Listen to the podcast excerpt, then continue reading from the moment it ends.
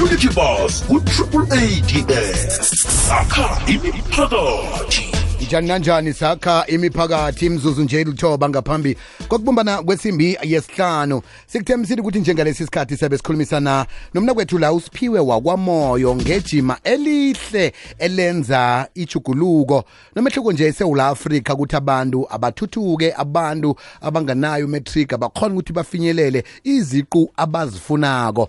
Elinye ithuba second chance seminar lihlelo esicoca ngalo njengalesi sikhathi khona ubaba umoya. Lotsha mnumzane moyo ngiyabulisa kakhulu ngiyabulisa kakhulu kuba mameli bonke bekhokhezi sitoko sakhuluma mbalo ukuthola ithuba lokucocisana nawe mnumzana.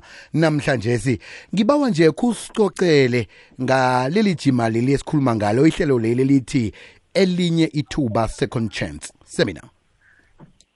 Isemina le sinayo ye elinye ithuba eyenzakala emfulo south esowethu inhloso yayo wena baba wami ukuthi eh, abantu abaningi ba sebaphelelwe ithemba lokuthi bangakhona na ukuthi baparticipate ku-economy njengoba sazi ukuthi ukungatholi imisebenzi kwenziwa izinto eziningi um kwesinye isikhathi mhlawumbe awutholanga ithuba lokufunda kwesinye isikhathi mhlawumbe waretrenchwa so le semina yonke nje ibaluleke ngendlela esimangaliso sokuthi um uthola kanjani futhi ithuba ma mhlawumbe awuqedanga imetric sasekhona i-chance yokuthi ungaqhubeka ngemfundo yakho. Mhlawumbe uyiqedile kodwa awuzange uthola ithuba lokufunda isasekhona i-opportunity na? Mhlawumbe ufuna ukuqala ibhizinisi ithuba lama-funding atholakala kuphi? So inhloso nje yayo yonke isemina ilokho. Mhm. Ithome nini i- isemina le ukuthi uyisungule eh uthome nini ukuthi nje ngifuna ukusungula into efana nale? inhlangano le elinye ithuba si- si- siyithome ngo last year ngo ngo- during covid nge-2021 eh saqala ke sahlela sakhuluma nabantu bamasitha ukuthi bangenza kanjani kodwa isemina yona iqala kusasa kodwa ke indlela nje yokuthi siyiplane nokuthi siqale iprogram siyicabanga ukuthi sifuna ukwenzani yaqala ngabo September 2021 Mhm. Njeke ake siqale ukuthi umuntu ofuna ukuzibandakanya kule seminar eh ukhona njani ukuthi azibandakanye? ya ngoba seyiyenzeka vele kusasa nama-registration asisadingi nama-registration amaningi futhi umuntu nje okhona emfulo south esowethu noma endaweni.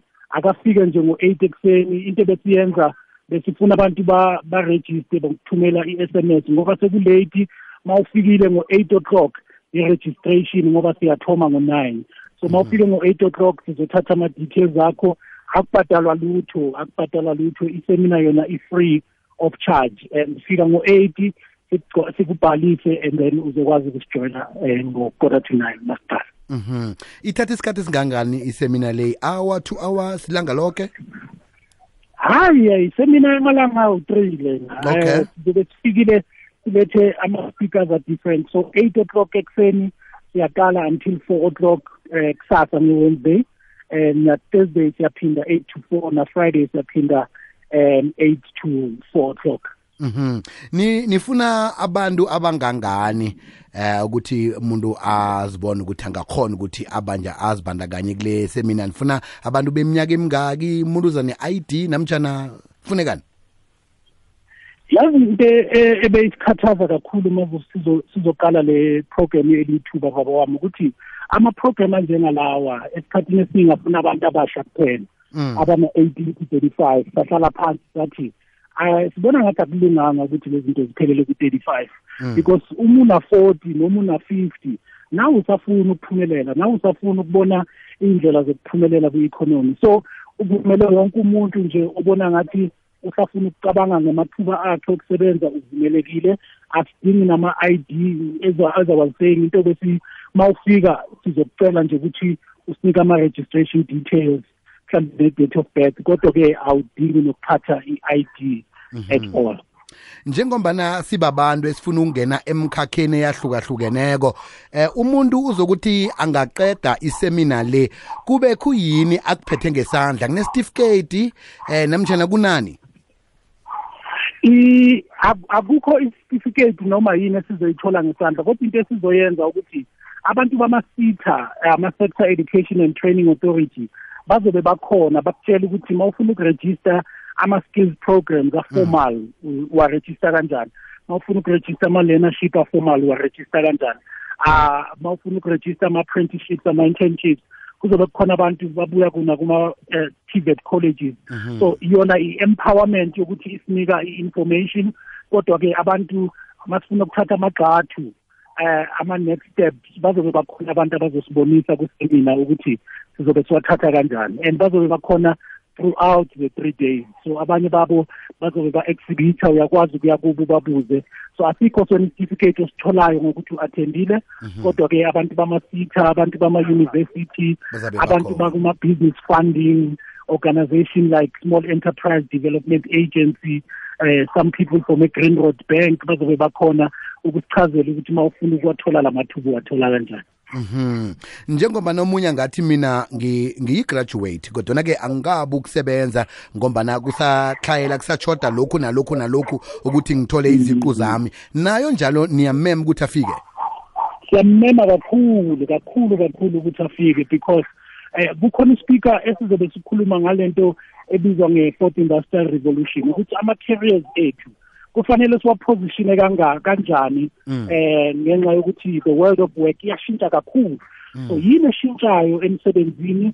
And singazama kanjani ukuthi simeche lezi zinto ezishintshayo emsebenzini nanama-skills esinawo? Because sometimes lento oyifundele noma yona ungayikhoni ukuyitholela umsebenzi uyakwazi ukupackager ama-skills owafundele ukuthi skill ukwazi ukupha- ukungena ku-economy. So sometimes abantu baphela ithemba ngoba bathi kutini ngifundele mhlambe ngifundele i-BSc kodwa ngiwuthola umsebenzi we-BSc into esizobe sibonisa abantu ngayo in the three days ukuthi uyakhona ukuthatha lento oyifundele uyipackage kahle uku-aplayele eminye imisebenzi. So siyamema kakhulu i-young graduate ongatholi umsebenzi mhlambe sekaphelelwe ithemba lokuthi angakhona ukuphumelela ukuthi woza bazobe bakhona abantu abazokunika elinye ithuba Omunye angathi ngina 50 years. Kade ngisebenza njengeplumber. Eh ngine experience ede khulu. Manje anginalo iphepha lokuthi ngingaliveza khona nangingafika emabhizinisini namtjana ngifike ebantwini lapha eqatshwa khona abantu aba abanamaphepha. Ngingaliveza bese ke nami ngithathwe njengabantu abaqualifyako mhlambe nonjalo uyamenywa ukuthi eze azokhona ukuthi aphembeleke indlela yokuthi angalithola njani iphepheli? Simfuna kakhulu loyo ngoba kukhona abantu abaningi abangayazi i-program eranwa ama-sita nama-university bayibiza ngokuthi i-recognition of prior learning. Ukuthi ikhona indlela yokuthi if bowusebenza uyi-plumber mhlambe for fifteen years kukhona indlela yokuthi uyakwazi uku-aplayela kula masitha uyakwazi uku-aplayela kulama eh, TVET colleges. Uthi anginawo amaphepha kodwa nayo i-experience enginayo. Yini ekufanele ngimbonise yona ukuthi ni-recognize lento enginayo? Mhlambe nize ninginike isithuba mhlambe lokwenza i-test noma ngiyayibhala noma amanye ama-test bangakucela ukuthi wayenze practical. Kune-assessment center enkulu kakhulu e-olifantfontein abayibiza indlela assessment center. La abantu baqualifya khona ukuthi babe ama-tradesmen ama-artisan. Um and abantu abaningi abazi ukuthi uyakhona ukuthatha yonke le experience obowunayo u-aplaye sometimes uze uthole le recognition oyidingayo. Noma ungasitholanga ithuba lokuthi uyofunda formally.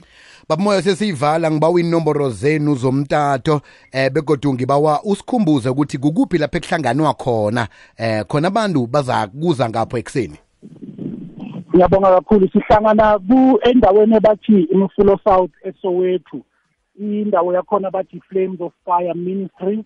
Abantu abazi sowethu kancane isemuva nje kwegugu primary school. Siqashe nje lapho isonto flames of fire ministries emfulo south emuva kwegugu primary school. Eh mangabe sibosafuna mhlawumbe ukuregister i-registration details yethu ungasithumela umchafazi SMS ku-078 681 7373 078 681 7373 ungathumela lapho i-SMS zokuthatha. Nesidingo sokuthi sibuye kuwe sithi urejistile asisekho ngoba sekulate. Uma ufike ngo-eight o'clock sizohlanganisa and you will be able to be allowed ukuthi ungene kuveni. Babumoya nenza imisebenzi emihlehle siyathokoza. Niragele phambili ukuthi ke nithuthukise isewula afrika ngaleyo ndlela. Siyathokoza kakhulu siyabonga. Sithokoze khulu kwamambala besikhulumisana-ke nobaba usiphiwe wakwamoyo eh we elinye ithuba eh program isemina lezo kubanjwa lapha kusasa emufulo. Njeke sendabeni. Phila njengomuntu osemkhanyweni ngombana mkhanyo oletha ukuphila